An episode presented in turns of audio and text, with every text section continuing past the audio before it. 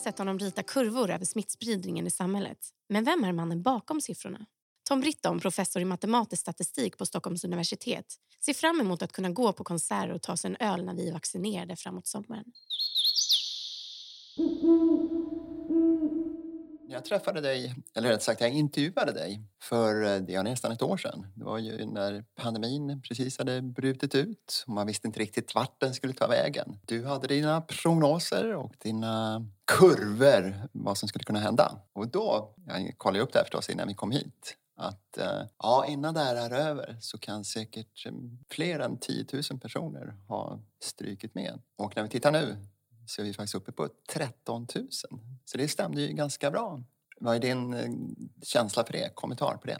Jag kommer ihåg när vi pratades vid, men jag kommer inte ihåg när det var i tiden riktigt. Vi har gjort oändligt många intervjuer, men det var ju snällt sagt det där. Men jag var fel ute på en del sätt också. Jag trodde att väsentligt fler hade smittats. Så att jag, ett fel som jag, men också andra gjorde, var att jag trodde att det var fler som hade smittats men med väldigt lindriga symptom. Och det kan man säga, det var, hade varit bättre det, för då hade, det varit, då hade många fler smittats men å andra sidan hade de flesta inte fått så allvarliga symptom och då hade det kunnat uppstå av sig självt, så kallad flockimmunitet. Men eh, det visade sig vara mycket färre, det här mörkertalet visade sig vara mycket färre än man trodde. Och liksom att då hoppas på flockimmunitet eh, går inte för då skulle det det skulle innebära att jättemånga skulle dö. Liksom så att, eh, jag var fel ute. Jag trodde att fler hade smittats med väldigt lindriga symptom och då tänkte jag tids nog uppstår nog flockimmunitet. Medan i själva verket var det färre som hade smittats så att det var en fortfarande liten andel som får allvarliga symptom men ändå en alldeles för stor andel som får allvarliga symptom för att man ska bara vänta och låta det här gå igenom och sen är vi klara med det hela. Så att jag tycker, även om du sa att det här antalet var rätt så i början så var jag fel ute kan man säga. Och det var också lite matematiskt modellerande som blev fel i början. Jag gjorde lite för enkla modeller den enklaste modellen antar att alla smittar alla med ungefär samma sannolikhet och det har vi ju hört nu att så är inte fallet. Det finns somliga som smittar mycket mer. Som till exempel jag själv har inte smittats trots att min son bodde hemma och var smittad och sådär. Så att det verkar variera väldigt mycket och om verkligheten är sådan så kommer det leda till att färre smittas än om alla träffar alla ungefär och liksom mer homogen. Jag såg det på nyheterna och då såg jag en kvinnlig reporter som bara, när du beskrev vad du hade räknat på nu, det var bara några veckor sedan, eh, och varpå hon säger så här, men du har haft fel förut. Och du var så kolugn cool, i det. Jag, jag bara kände så här, alltså jag hade brunnit av. Alltså vadå för hade fel? För? Ja, men det här är det här och det här. Hur accepterar man då när man har, enligt dig eller hon, känner att man har gjort fel? Och man gör det ju för hela svenska folket. Ja, men eh, jag har ju sagt det. Jag sa ju det till och med i våras i Aktuellt-sändningen att jag hade gjort fel. Det är dags att gå tillbaka till skrivbordet nu. Så att, eh, och det har jag fått mycket beröm för, så att det tycker jag inte har varit något problem. Däremot, eh, jag tycker det är lite tråkigt, jag orkar inte rätta dem, jag tycker det är tråkigt när de säger att man har räknat fel. För mm. det är mm. inte så att jag liksom, det stod tre gånger fyra och så skrev jag att det blev 15 Precis. så blev det fel. Utan det är att modellen speglar inte verkligheten tillräckligt bra. Men jag har ju räknat rätt i den modellen. Så att mm. räknat fel tycker jag är lite fel ord. Mm. Men eh, Likväl så blev det fel. Mm. Eh, och ja, vad säger man?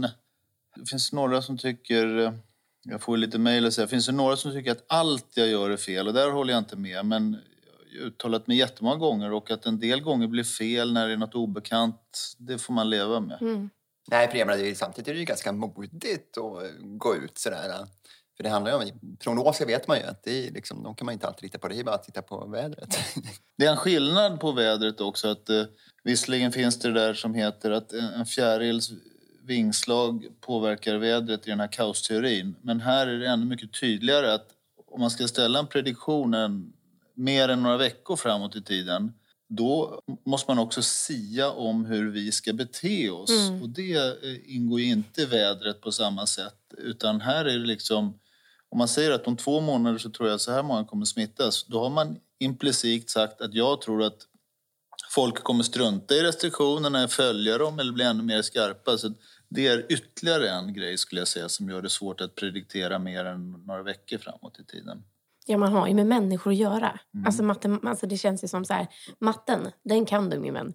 Men sen så är det människor där ute också som man ska liksom, ha med i beräkningen på så sätt. Vädret kommer ju bara. Ja visst, vi vet att folk åker pulka när det blir snö. Men du måste ju tänka i så många fler led, helt enkelt. Då kan jag inte undvika att nyfiket gå över på så här, varför matematiker? Det finns ju, jag jobbar ju på matematiska institutioner. Det finns ju somliga liksom som på något sätt nästan har fötts in i det hela, upplever jag, som har haft ett driv just för matematiken hela sitt liv. Jag har väl inte varit så på samma sätt.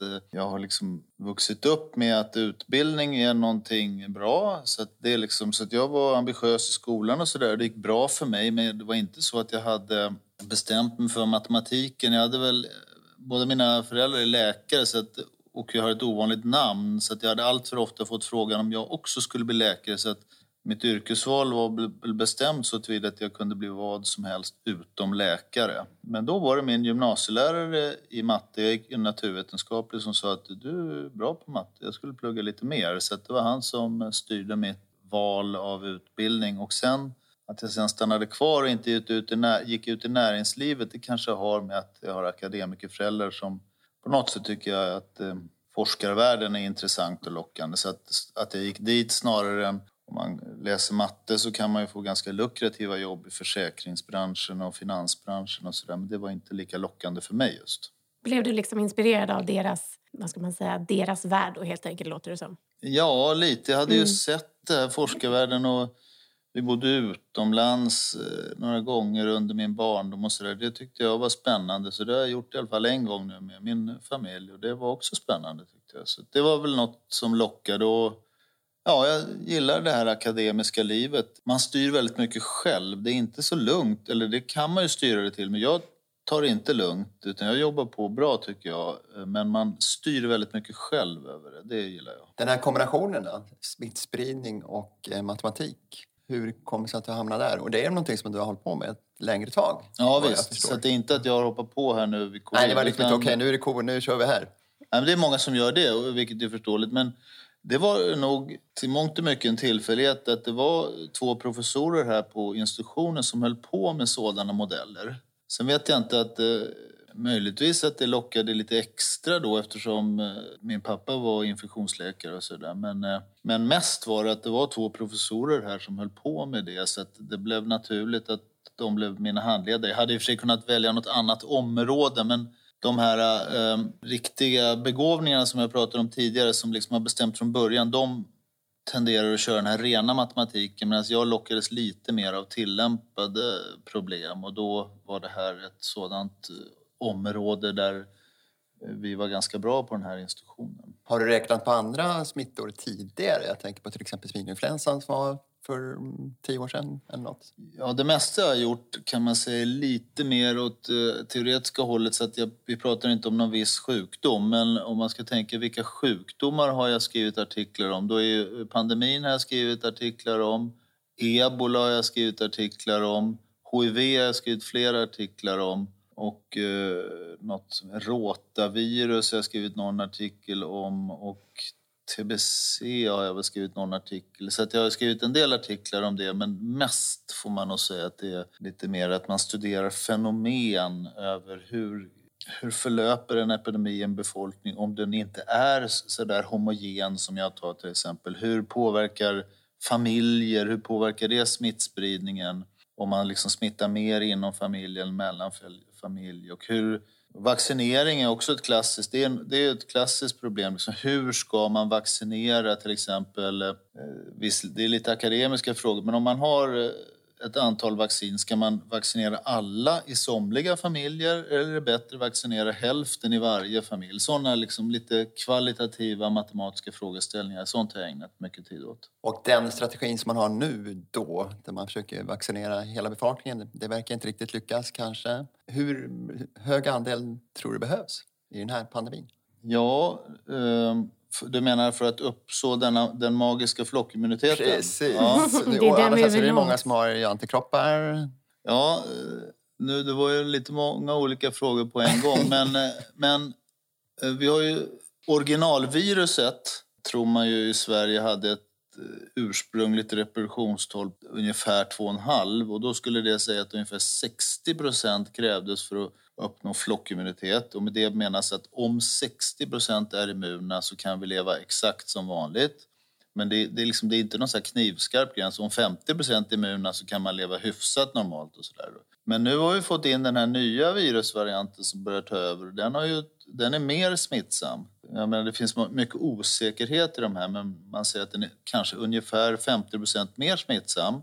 Så att eh, då är det här reproduktionstalet inte 2,5 längre utan det är 50 procent mer så att det blir ju 3,75 ungefär då, då. Och då är det helt plötsligt en 75-80 procent som måste vara immuna för att flockimmunitet ska uppstå. Sen är det ju som så att vi har viss immunitet i befolkningen av smittspridningen i sig. Så det betyder inte att man måste vaccinera riktigt så många för att komma upp till flockimmunitet utan det beror på hur man vaccinerar. Jag håller just på med en artikel tillsammans med Joakim Rockström och en kollega till honom. Vi är inte klara med artikeln men vi har ändå kommit fram till att vilket jag inte tycker uppmärksammas tillräckligt mycket. När vi nu går ut och vaccinerar, mm. snart börjar vi vaccinera stort i befolkningen. Och då tycker jag utan tvekan att man ska säga att ni som har antikroppar ställer sist i ledet. Jag mm. tror inte man kan tvinga det, för det är säkert somliga som är väldigt oroliga så där, de tror jag absolut bör få gå före. Men eh, och då har vi liksom kollat vad händer om man gör så. Enligt våra enkla modeller som säkert slår lite fel och sådär. Men det blir kanske 20% mindre som hamnar på IVA under våren om man, om man gör en sån grej. Och det är ju inte försumbart. Det blir färre dödsfall också. Om man liksom säger att ni som har antikroppar ställer sist i kön. Mm. Men det är väl det man har sagt också? va? Jag har inte hört det. Nej, jag tycker att det här är liksom... Jag det är bara... någon att jag skulle kunna vänta till exempel. Det är väldigt bra, för jag har inte mm. hört det. Men det, det tycker jag absolut borde gå ut lite mer. Eh, inte tvingande, men uppmuntrande om det. Mm. mm. Sen har vi också tittat på, när man har vaccin... nu håller på att vaccinera ner till 70 plus, låt oss säga. Nu är det först 80 plus och sen 70 plus. Sen trodde jag att det skulle vara bättre att vända på steken och börja underifrån för att eh, pressa ner smittspridningen. Så att vi har jämfört också, vad händer om man, när man är klar med 70 plus, om man går ner till 60 till 70, 50 till 60, 30, 40 till 50, att man går neråt i åldrarna. Alternativt att man, när man är klar med 70 plus, att man tar de yngre åldersgrupperna och sen går uppåt. Då visar det sig att det, det har mindre effekt än det här att be de immuna ställa sig sist i kön. Det har liksom mindre genomslag. Men för sjukvården och för dödstalen så är det bättre att fortsätta neråt i åldrarna. Men eh, man ser också i modellen, vilket ju gör att man tror på den lite, att smittspridningen minskar mer om man går nerifrån och upp. Och så man, man får ner smittspridningen men man lyckas... Men, men det är man lyckas inte skydda dem? Nej, för det är ändå då, när man är klar med 70 plus så är det ändå de som är mellan 50 och 70 som hamnar på IVA till exempel. Så trots att man får ner smittspridningen så, så liksom överväger den här effekten att man inte har skyddat dem lika mycket. Då. Mm. Jag vet att också att du hade synpunkter på eh, munskydd. Att det skulle kunna hjälpa om eh, i stort sett alla hade det, åtminstone i kollektivtrafiken och eh, på mötesplatser rent allmänt. Att man skulle kunna varit lite hårdare kanske med det. Var det liksom din, din rekommendation? Ja, men jag kollade, alltså i våras så hade jag ingen aning om detta och det var väl ganska få, men framförallt i Sverige var, var det väl inte så många. Men nu här under sommaren så kom det in lite rapporter om att det verkar ha viss effekt. Ehm, och då tittade jag på lite rapporter och eh, de mäter effekten av munskydd på lite olika sätt kan man säga. Någon mäter hur mycket minskar reproduktionstalet, en annan mäter hur mycket incidensen föll under en tre veckors period och en tredje tittar på hur många färre som hamnar på sjuk. Så jag försökte liksom sammanföra dem med lite matematiska metoder och eh, då fanns det viss samstämmighet att om man går från att ingen bär munskydd till att i stort sett alla gör det de här studierna var gjorda då i regioner i våras där på vissa lokala ställen så infördes det munskyddspåbud medan i andra närliggande områden gjorde inte det. Så tittar man vad som hände därefter. Men det finns jättemycket osäkerhet och sådär. Men likväl så såg man i, jag tror att det var fyra olika studier jag hade, så såg man att eh, smittspridningen gick ner med mellan 10 och 30 procent. Och nu i Sverige så är vi redan en del som använder munskydd och eh, det kommer säkert inte bli så att alla börjar använda det men Men även om man får ner smittspridning med 10 procent så är det jättebra. Mm. Det är värt mycket för framförallt det det. sjukvården och Ja. särskilt och minska belastningen där. Vi har ju träffat väldigt många som jobbar, alltså forskar, vaccinforskare, virus, alltså allt sånt. Och nu sitter vi här med dig Tom. Mm. Eh, det jag bara får framför mig, nu när vi efter allting på något sätt börjar lugna ner sig och är över, du förstår vad jag menar. Kommer ni då samlas kring ett riddarbord och bara så här, hörni, alltså ta alla era kraftsamlingar och allting ni har tittat på nu för att komma fram och bara så här, vad händer nu? Vad, hur hade vi det under covid? Vad är framtiden? Vad var dåtiden? Jag tycker att eh, vi borde det i alla fall. Jag vet inte vem som ska leda det hela men eh, man kan säga att Folkhälsomyndigheten är en liten grupp människor. Det beror på vad man menar med matematiker men och statistiker. Men låt säga att de är fem matematiker och statistiker. I vanliga fall så har de, håller de på med lite olika sjukdomar och sådär har lagom mycket att göra. Men nu har de ju fått alldeles för mycket att göra såklart. De är bra personer men de har ju inte hunnit med. Och då är det viktigt tror jag att man i förväg etablerar lite formella kontakter. Jag känner dem, det är andra som känner dem och sådär. Men att man liksom har på något sätt en plan för om någonting händer då måste vi liksom växla upp. Och jag, jag tycker att det borde vara mer kontakter mellan akademin och eh, Folkhälsomyndigheten än det har varit och så vidare. Eh, Jag menar, jag har gjort fel några gånger. Jag skulle bli förvånad om inte andra har gjort fel. Så att liksom när, när det är inför viktiga beslut och modelleringsfrågor så tror jag att det är bra att man har kanske minst två olika grupper som ritar upp scenarier eller försöker dra slutsatser. Om de kommer fram till ungefär samma sak så känns ju det betryggande medan om de kommer fram till lite olika då får man försöka förstå varför de är olika. Är det någon som verkar vara mer rimlig än den andra? Så att, eh, att försöka bättre planera det här, det tycker jag är en väldigt viktig sak. Men jag är inte helt säker på, jag vet inte vem som men jag kan ta den, det är lugnt. Jag drar du ihop tar den er. pucken, ja. Nej, men jag tänker ni måste utvärdera. Det känns ju på något sätt, vad jag drömmer om är att alla då, vad jag kallar höjdare, sätter det liksom ett bord och nu utvärderar vi. Alltså vad gör vi och vad behövde, skulle vi kunna gjort annorlunda? Jo, men ta in mig redan när det händer. Eller ja, men jag vill veta din kunskap redan då. Att man liksom nu lär sig av historien, vilket vi har gjort så många gånger tidigare. Men det här får inte bara bli något som vi bara så här, yes, vi vann över det. Utan det är ju ett arbete efteråt. Ja, det, och det är hela... en viktig grej här, men liksom det är lite oklart. Ska det vara på privata initiativ av Mm. forskarna eller ska det vara mer den här coronakommissionen som väl finns? Det, jag vet inte om det ligger på dens mandat, men jag, jag skulle kunna tänka mig att man snarare bör liksom initiera något sådan process eh, från eh, regeringshåll eller något liknande. Skulle jag kunna tänka Mm. Nej, men jag knackar på riksdagen Ja, jag och säger så här, Ja, hallå, här kommer jag, nu jäklar har jag en bra så, idé. så att inte Stefan Löfven ringer så får väl... Så får väl jag ringa Steffe. Precis, då får Ja, ja. Nikita Ja. hoppa in. Fixa det. Nej, men en annan grej som har varit intressant med den här pandemin, eller framförallt för din del, det här att du har eh, fått vara, i- är väl fel ord, men du har åtminstone blivit kontaktad av eh, Media. SVT och media överhuvudtaget. Och eh, blivit eh, Tom Britton nästan med hela svenska folket. Jag vet ju mina kompisar brukar, jaha, Tom Britton, ja okej, Mm. han är på tv här nu igen. men hur har du eh, tagit det, upplevt det? Ja, det har ju varit spännande mest tycker jag. Liksom, sola sig i glansen kan ju vara lite kul. Sen är man ju tyvärr inte ute så mycket och solar sig glansen på grund av covid. Men ibland blir jag väl igenkänd nu. Eh, Och eh, jag har inte upplevt någon sådan. Jag har fått lite tråkiga mejl men när jag blivit igenkänd på stan och så här, har jag aldrig upplevt någon liksom negativ eh, grej. Så att, det är väl kul och eh, Du är ju kändis nu. Nej, kändis är jag inte, men ibland blir jag igenkänd. Men jag, jag är inte kändis, men eh, lite, absolut Ja, mer än förut. nu, ja. Och mitt namn är lite känt och sådär, Mm. i och med att det är lite ovanligt. Nu liksom, om någon ser mitt namn så kanske man kopplar lite snabbt till det. Kan Mm. jag tro. Men, men eh, liksom, när det är ett ovanligt namn, jag menar, det finns många Lars Bengtsson så då kanske inte Mm. folk Ja, reagerar. ja. Men Tom Britton just är inte så det är- många. Det så är att, eh, unikt. Och det är ju sin fördel och nackdel. Jag har också ett väldigt... Det är bara jag i hela världen som heter. Eh, Så det, man kommer ju inte undan samtidigt som det är lätt att komma ihåg. Så det är ju en tvåtydig där. Ja, visst. Men det jag menar med att, ja, du har ju verkligen, så fort man pratar med någon, alltså även med min generation som är eh, yngre än han, så, så är det liksom så här, min systerdotter 12 år, hon bara, "Ah, Tom Britton, du inspirerar den yngre generationen.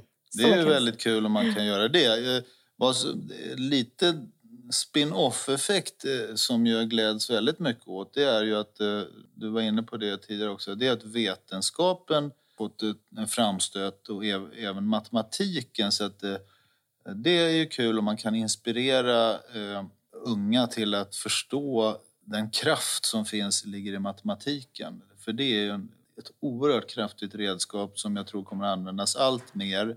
Mer och mer ihop med datorer.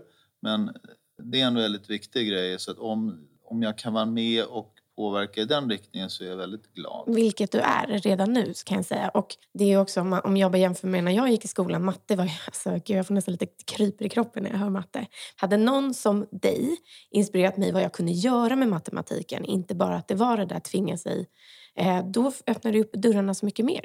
Att det går att använda matematik på ett helt annat sätt än att så här, Nikita, du måste veta hur långt det här snöret är. Man bara, nej men jag kan ju bara hålla i snöret. Alltså så. Inte spännande tillämpningar. Nej men precis, jag måste alltid sätta ett perspektiv. Och där, där inspirerar du verkligen människor. Att det går att göra någonting med matten. Ibland vissa människor behöver också få ett perspektiv på att så här, okej okay, matte, jag hatar matte, men jag kan ju göra så där. Så det tackar jag dig för. Mm, tack. Ja, det är väldigt kul om man kan bidra på så sätt. Och sen är det väl så också att du har nått en lite större publik här även med dina föreläsningar. Ja, det var i början på pandemin där det finns något som heter pi-dagen. Pi är ju 3,14. Det är 14 mars. Då, eh, och då är det, det lite matematikens nationaldag. Så då skulle jag hålla ett föredrag på pi-dagen på Sjöhistoriska museet. Ja, då skulle jag prata om smittspridningsmodeller. Det var planerat redan innan eh, eh, covid. Och sen så kom covid. Då tänkte jag självklart ska jag lägga in covid i det hela. Men sen så ställdes den in på grund av covid. Och då tänkte jag och Vetenskapens hus, då tyckte de att det är väldigt dumt att ställa in ett föredrag om covid på grund av covid. Mm. Så då gjorde vi det på Youtube och då tänkte jag att det här är intresse utanför Sveriges gränser så då spelade vi in, även in den på engelska. Och de fick ju jättestor spridning då. Jag tror att den engelska sätts, det är en liksom 40 minuters mattelektion om smittspridningsmodeller och den har visats, jag vet inte om den har setts, men den har visats eh, över 100 000 gånger och den svenska över 10 000 gånger. Så det är ju det är jättestora siffror min vän. Väldigt kul. Mm. Men vad tycker du mest om då? Att sitta på din kammare och sitta med dina små siffror och krumelurer eller tala om det och inspirera andra? Om du skulle välja mellan dem?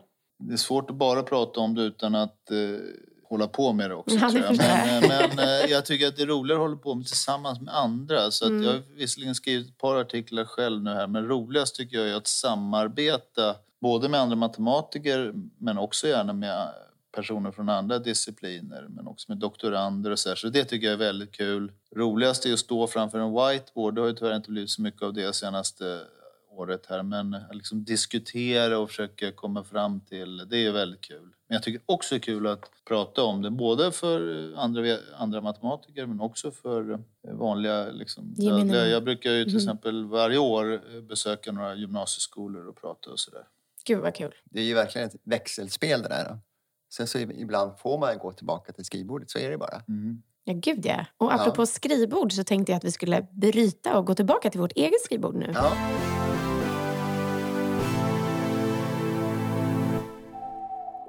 Munskydd. Att det är bra att ha det nu. Det var inget jag kände till förut, men nu ska vi ha på det när vi är inomhus. Blyerts. Ja, sitta och skriva eh, matematik vid mitt block. Solros. Jag var i Italien och lite varmt väder. Kulram eller miniräknare? Miniräknare utan tvekan. Hemmaarbete eller jobba på jobbet? Eh, jobba på jobbet är mycket bättre men nu blir det mest hemarbete. Cykling eller skidåkning? Cykling. Oj, det var väldigt tydligt där. Ja, det var liksom min tvekan trots att jag kört Vasaloppet. Ja, ja precis. Hemkommen ifrån Vasaloppet. Men om, jag inte, om någon sa du får aldrig mer cykla eller du får aldrig mer åka skidor. Då skulle jag bli mycket mer ledsen om du aldrig mer cykla. Tänker på tillämpningen i matematiken. Klimatet, det är väl väldigt användbart, matematiken där. Och det är väl ett skäl till att det kan också behövas fler matematiker. Ja, klimat är ju något som det räknas väldigt mycket på. Jag är inte involverad där, men, men där får man kanske säga att det är ännu viktigare med sakkunskaper och det är väl framförallt eh, fysik och termodynamik så att det är ganska få eh, personer på matematiska institutioner som är involverade där. Det är mer fysiker som håller på med det och, och meteorologer. Men eh, absolut så används väldigt mycket. Det är ju i princip matematik och framförallt då om det är klimat, i, till skillnad från väderprognoser, när det är klimat, då, är det också lite, då måste man förenkla väderprognoser. Då är det, handlar det snarare om att försöka få dem så detaljerade som möjligt, så många mätpunkter som möjligt. Men alltså om det är klimat på längre sikt, då är det mer att se de grova dragen och då är ju matematik väldigt viktigt. Jag är själv inte har varit involverad i det. Men eh, absolut, där används matematik. Och mycket. kanske ännu mer i uh, utvecklingen av eh, AI, artificiell intelligens? AI är väl det andra stora mm. området inom nya området inom matematiken. Det är väl större än klimat. För att klimat är ju inte bara matematik, men AI är ju matematik och datalogi och det är ju det stora området nu. De här nya stora datamängderna som finns överallt, att man samlar in dem så försöker man Istället för att tänka, ska vi ta det datat eller det datat, så bara sveper man in allting så finns det den här magiska lådan som kallas för machine learning som letar ut vilka av de här datamängderna som är viktiga eh, för att säga vad kunden vill ha för produkt eller eh, andra saker. Så att eh, AI är ett jättestort område. Gud ja, jag har jobbat på CGI och där blir jag så fascinerad. Men jag får ju panik så fort jag ser den här datan komma in för jag bara Medan min kollega Danny bara, och där och där och där och där. Man bara, ja, ja, ja, tur att jag bara skriver artikeln efter. men, men... Märks det här bland studenterna att de intresserar sig för den här typen av tillämpningar? Ja, de kurserna är ju mycket intresserade. Jag höll ju en kurs om smittspridningsmodeller i somras. Den var ju väldigt populär just på grund av covid. Men annars så är det AI-kurser är ju väldigt heta nu så att studenterna vet ju att arbetsmarknaden där är väldigt god. Så att eh, och alla högskolor håller på att liksom nischa sig mot det hållen på ett eller annat sätt. Så att absolut, visst, det, det, finns ett jättestort sug för sådant. Och man drar ihop så många olika professioner i en, som du är inne på. Det gör man ju verkligen. Mm. Men eh, det är där pengarna finns om man, eh, för studenter. Eller på säga. Men jag tänker så här, nu har vi pratat jättemycket om covid, vi har pratat om matematik och det är klart att vi har gjort det. Men nu vill jag lite så veta, ännu mer om vem Tom Britton är. Mm. Vad tycker du om att göra på fritiden, förutom att cykla och köra Vasalopp? Ja, men att röra på mig är väl ett eh, stort intresse.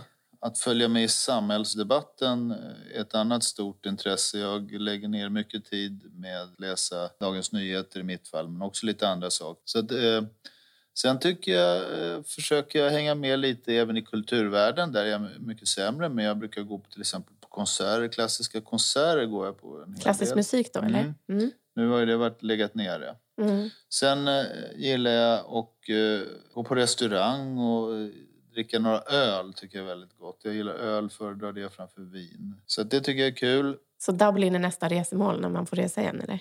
Ja, det ja. skulle jag gärna åka. Eh, vad gäller idrott för övrigt så är ju basket är min huvudsport trots min mm. ringa längd. Så det spelar jag fortfarande och vi är några kamrater, ett svenskt gäng och ett svenskt australiensiskt gäng som brukar spela. Mm. Ibland spelar man någon liten turnering mot andra och i samband med det så blir det någon resa. Vi har varit i Italien några gånger. Sånt är väldigt kul. kul. Och att re resa tycker jag är väldigt kul även om det eh, blir allt mer tveksamt ur klimataspekter så tycker jag det är kul och jag gör det ofta i jobbet och då kombinerar jag det med lite semester men jag måste ändå gå tillbaka till den här klassiska musiken. Hur kommer det sig att du hamnade där? För det är inte alla som gör. Nej, är det liksom men, inspirerat av dina föräldrar? Ja, eller liksom... och inspirerad av mina föräldrar och även en, en nära vän till mig som alltid har varit intresserad av klassisk musik som har jobbat på Sveriges Radio så jag har gått mycket på Berwaldhallen med mm. honom. Så att, eh, det har jag gjort mycket genom åren. Mm. Och det är väldigt kul tycker jag att göra. Jag håller med dig. Jag håller med dig. Vad tror du att det är det första du kommer göra sen när den här pandemin är överstånden. Om det nu blir det helt och hållet, det vet vi ju inte riktigt förstås. Ali snackar om ett nytt sätt att leva. Ja, kanske. Hur ser du på det? Men vi kan börja med en, vi ska inte alla frågor på en gång, utan vi kan börja med bara det första att göra om det nu blir ett normalfall igen. Ja, men gå ut eh, på någon bra krog och äta en god måltid och dricka några goda öl och sitta sent. Eh, det är något jag ser fram emot. Och eh, lite snarlikt kan man säga att eh, bjuda hem folk eller bli hembjuden till folk på en liksom längre middag med lite drink före och sen så sitter man kvar efteråt och dricker kaffe och sånt där. Det, det ser jag mycket fram emot. Du behöver inte gå hem vid åtta liksom? Nej. Nej, jag, jag, precis, jag jag, är så den. med på det där dig också. Därför börjar man med lunch nu heter det. Kallas vrunch. Ja. För det är vin med lunch. Ja. Sen fortsätter det hela eftermiddagen och kvällen. Till åtta och sen bara- Långt efter midnatt.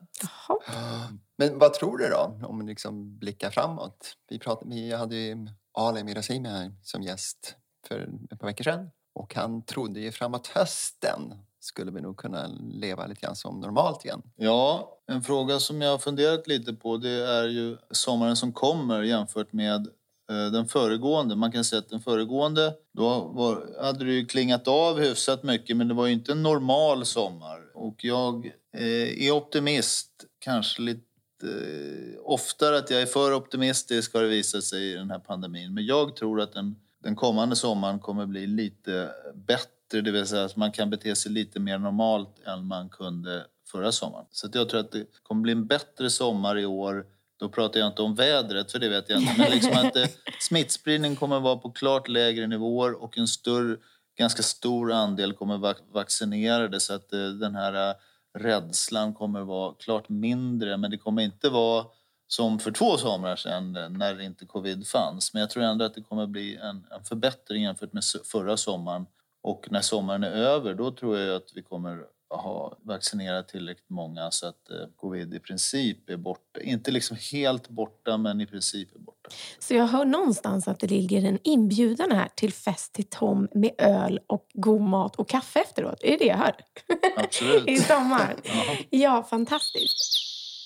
Men Det har kommit in en eh, lyssnarfråga. Det handlar om, eh, vad ska vi kalla det, trakasserierna som eh, vissa forskare har blivit utsatta för och även eh, personal på myndigheterna, Folkhälsomyndigheten. Har du blivit utsatt för någonting? Du sa i och för sig tidigare att du hade fått ganska mycket positivt bemötande ute på stan och sådär. Men har du fått några, något hat-hot-mejl? Inga hotmejl, men eh, en del mejl. Om man är med i Aktuellt eller så här, då, då rasslar det in massa mejl alltid. Och eh, merparten är positiva, men en del tycker att man är, eh, har helt fel. En del tror att man på något sätt står i någon liten sammanslutning med Folkhälsomyndigheten. Jag tror att det är mycket värre för Folkhälsomyndigheten, men några tror att man har på något sätt en ond agenda. Några få, ska jag lägga till. Att man har en ond agenda som går ut på att eh, man vill Sverige illa eller något sånt där. Men det är ganska få, men ah, inga hot. Men liksom några så där man, eh, som säger att man är, har helt fel och liksom att man är galen eller något sånt där. Och jag har även fått mejl från den här organisationen som har varit på tapeten. Eh, den heter väl MEWAS eller något sånt där. Eh. Och de har skrivit att jag har helt fel och de ska arbeta för att jag inte kontaktas av press och sånt där. Men de har absolut inte på något hotfullt sätt. Men de har skrivit skarpa mejl till mig och sagt att jag har helt fel. Det, du bör inte uttala dig i pressen. Hur tar du det? Vad händer i dig då? Alltså jag blir ju så provocerad bara av att höra det. Ja, men, eh, att man eh, kritiserar mig, det tycker, jag helt, eh, det tycker jag är på sin plats. Men att man säger att jag inte ska uttala mig i pressen och Mm. sådär, det tycker jag är fel. För att jag tror snarare att det är bättre att många uttalar sig i pressen så att man kommer in. Många synpunkter. Alternativet skulle vara att det skulle finnas någon som någon domare som sa att du har rätt så att du får uttala dig i pressen medan du har fel så du får inte uttala dig i pressen. Och det tror jag inte vore någon bra lösning, vilket jag skrivit till dem om också. Mm. Nej, men det, är ju, det är ju fascinerande för du är inte den enda vi har träffat som man bara så här... Nej, men jag blir mörkrädd eller också lite skrattretande. Ta mig rätt där ute nu men ni får faktiskt garva mig. Att så här, helt plötsligt är alla experter. Och det spelar liksom ingen roll vad bakgrund man har utan man, man ska trycka dit bara för trycka ditandets skull. Jag har också fått en del mejl och kommentarer. Man blir bara så här, men sätt dig ner Börje. Alltså nu, kom in i matchen. Så, så skickar jag lite kärleksboost istället så blir de ännu mer provocerade och sen stänger jag den dörren. Liksom. Men jag blir samtidigt så fascinerad att så här, herregud du kan det här Tom. Så enkelt är det. Låt honom prata. Punkt. Där knyter jag ihop den här säcken med en punkt. Men ändå vill jag knyta ihop säcken med mer än en punkt faktiskt. Eh, så jag vill fråga dig Palle vad du tar med dig från det här samtalet med Tom. Jag har kallat dig Tompa ibland. Jag vet inte varför. Har du någonsin kallats för Tompa? Det har jag gjort i min ungdom, men nu är det sällsynt. Ja, nej, men hos, med mig kallas det Tompa. Okej. Men jag är också lite av en häxa. Ja. Nej, men jag tycker det har varit intressant att få veta lite grann om eh, personen bakom mannen på tv som står och ritar kurvor. Och eh, lite grann hur han tänker och eh, kanske inte minst hur han påverkas av de reaktioner som han får. Och sen har jag också fått lite teoretiska förklaringsmodeller som jag kan ta med mig. Du då, Nikita, har du någonting som du tar med dig säkert? Ja, de där Förutom teoret- ölen och... ja, det är verkligen skillnad på oss, höll jag på att säga. Men de teoretiska modellerna, det sa jag redan innan, att då blir jag så här, då går jag tillbaka till Nikita i nian och bara, nu fattar inte jag någonting. Men eh, det jag verkligen tar med mig, vilket jag alltid fascineras av när människor är så kunniga i sitt. Alltså när man möter människor som liksom, vare sig de har intresse för matematik eller för hur man rengör de här hyllorna som sitter bakom oss så sitter jag alltid och blir så himla fascinerad av personen bakom sitt yrkesval. Liksom. Så det tar jag med mig. Men sen så tar jag också med mig att, precis som Palle är inne på, att så här, gud vad skönt att få lära känna Tompa bakom eh, alla matematiska formler, eller heter det ens formler? Ja, ni hör ju vad jag menar. Men så vill jag också på något sätt innan säga så här, att jag hade så mycket hellre velat haft dig som min mattelärare än de som fanns i mitt liv faktiskt. För vem vet, då kanske jag hade suttit bredvid dig och bara, nu tar vi och forskar kring det här siffrorna. Istället för att jag bara, "Ah, siffror, jag ser ingenting. Och då vill jag också ge en liten shout-out till min mattelärare som sa till mig att jag var tvungen att lära mig det som hen ville lära ut mig. För att Nikita, du ska inte tro att man kan gå omkring med en miniräknare i fickan hela tiden. Och nu vill jag bara säga det att du jag har miniräknaren i fickan varje dag. Det kallas iPhone. Så jag klarar mig ändå genom livet. Vad tar du med dig, Tom? Ba. Från den här intervjun? Yes. Ja, men det, det mest glädjande var väl det här, Nikita, som du sa, om man har lyckats eh, få ungdomar att eh, förstå glädjen och nyttan med matematik. Det är en väldigt eh, rolig sak, så det är väl det jag tar med mig i sådana fall. Gud vad härligt. Och det kanske vi får märka av här på universitetet om några år. Fler studenter till Ja, men matematik. det tror jag att det kommer ske, alltså inte bara här utan i största allmänhet, eh, att eh, intresset för matematiken är på tilltagande eh, redan innan med det här AI och sånt där, men kanske att det får en liten extra skjuts av covid-modellering också. Mm. Och jag tänker efter det här avsnittet, det bara trillar in nu. Det är ju 15 april snart. 15 april, ja just. Ja, just det. Så sök den 15 april, mina vänner. Ha det bra. Tom Britton tar emot er.